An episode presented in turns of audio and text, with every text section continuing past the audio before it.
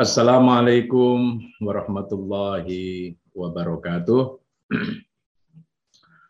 Podcast kali ini akan menjawab pertanyaan dan dan merespon ya eh, Bapak Ali Fermana Wiguna dari Kota Waringin Timur, Kalimantan Tengah. Pertanyaannya sebagai berikut. Izin bertanya, Prof bagaimana kita mengelola penyebutan kafir kepada non-muslim sehingga tidak menyinggung mereka tetapi juga tidak mengabaikan teks Al-Qur'an. Pertanyaan ini singkat, padat, tapi sangat-sangat penting untuk era dan konteks sekarang ini. Yang pasti, orang non-Muslim tidak suka dan tidak nyaman, dan bahkan tidak menerima untuk distigmatisasi sebagai kafir, karena mereka juga bertuhan, meskipun cara beribadah, cara mengungkapkannya berbeda dari yang kita miliki atau yang kita punyai. Bahkan sesama muslim pun tidak suka disebut kafir oleh penuduhnya. Ini persoalan penting karena antar sesama muslim dan juga non-muslim pun tidak suka dilabeli, distigmatisasi dengan kata kafir. Nah, bagaimana untuk me mengurainya ini.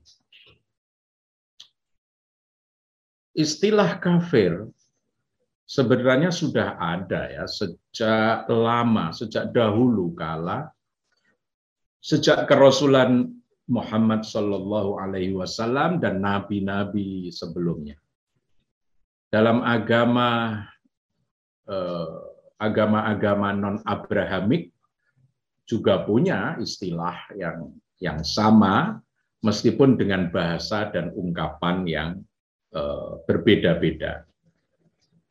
Istilah kafir mencuat ke permukaan belakangan ini seiring dengan dua fenomena yang muncul hampir berbarengan. Pertama, gerakan takfiriyah gerakan yang kafir mengkafirkan orang, golongan, dan kelompok yang berbeda paham dari yang kita miliki. Bersamaan munculnya istilah takfir tadi itu adalah istilah tohud, yaitu sebutan yang ditujukan kepada pemerintah yang sah berdasarkan konstitusi, tetapi dianggap melenceng atau tidak menjalankan menerapkan hukum-hukum agama Islam di wilayah publik.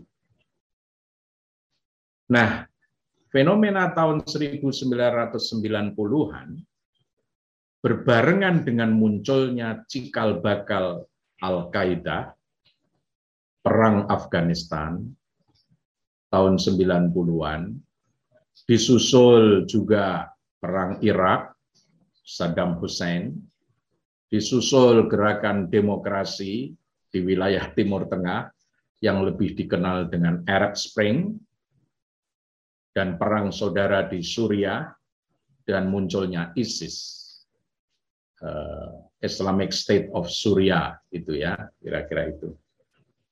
Nah, gerakan takfiriyah beserta ikutannya istilah-istilah ikutannya seperti Tauhud, seperti Al-Qaeda, ISIS, dan lain sebagainya, berbarengan dengan meledaknya revolusi teknologi informasi, IT, dengan menggunakan media sosial untuk menyebarkan hoax, berita bohong, fitnah keji, ajakan makar, nah, demonstrasi massa, begitu selanjutnya. Perkawinan antara elemen-elemen itulah maka penggunaan istilah kafir, takfir, takfiria berbarengan dengan tauhid menjadi bertambah populer. Populer secara politik karena digunakan untuk tuduhan tanpa dasar yang kuat, stigmatisasi lawan politik. Fenomena itu menjalar secara cepat di tanah air melalui media sosial. Nah, bagaimana Al-Quran?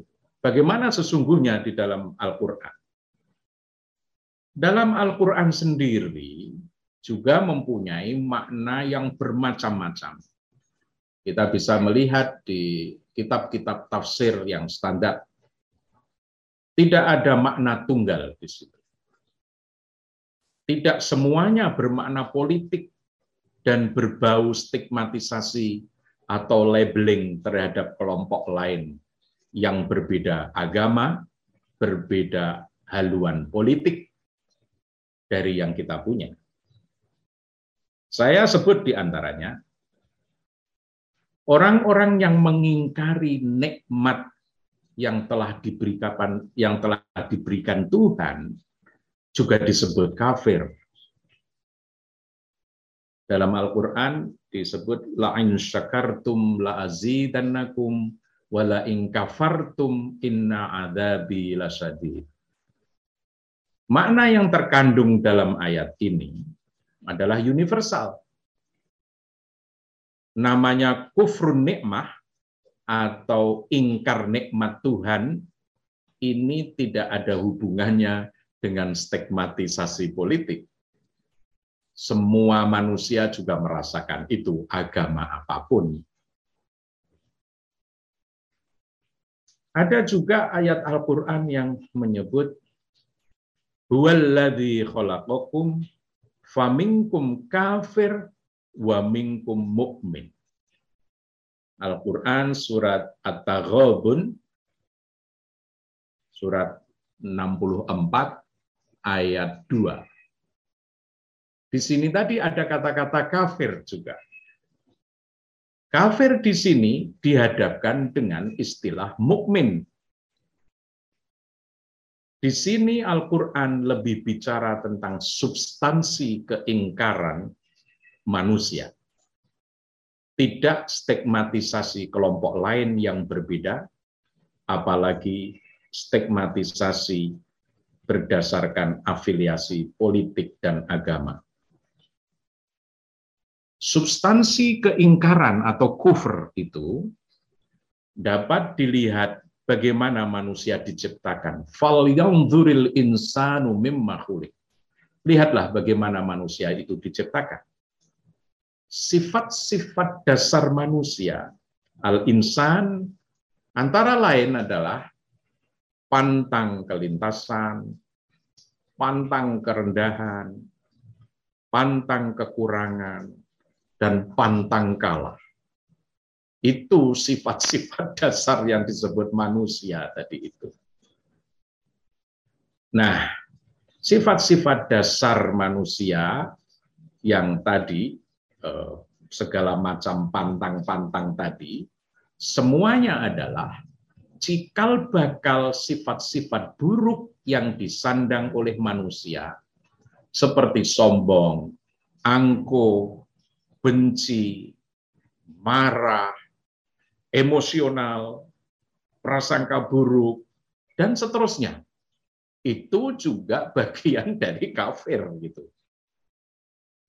Sifat kekufuran ini yang ada dalam diri manusia, dalam diri kita masing-masing mau apa pun agamanya, begitu. Siapa pun dia mesti memiliki itu. Sedang mukmin Nah, tadi kan dalam ayat tadi ada mukmin dan kafir. Sedang mukmin di sini diandaikan dan diharapkan dapat mengatur dan mengendalikan, menavigasi sifat-sifat buruk tersebut atau dapat meminimalisir sifat-sifat buruk menjangkit kepribadiannya. Nah, dalam artian yang terakhir itu menurut saya yang dikehendaki oleh penanya Bapak Ali Permana tadi yaitu pemaknaan dan penafsiran kosa kata kafir yang tidak menyinggung mereka yang berseberangan yang berbeda dari kita tapi juga tidak mengabaikan teks Al-Quran. Demikian, terima kasih. Apabila Anda ingin menyampaikan pertanyaan atau usulan dan topik kepada Profesor Amin Abdullah, kirimkan melalui email ke podcastaminabdullah@warganegara.org.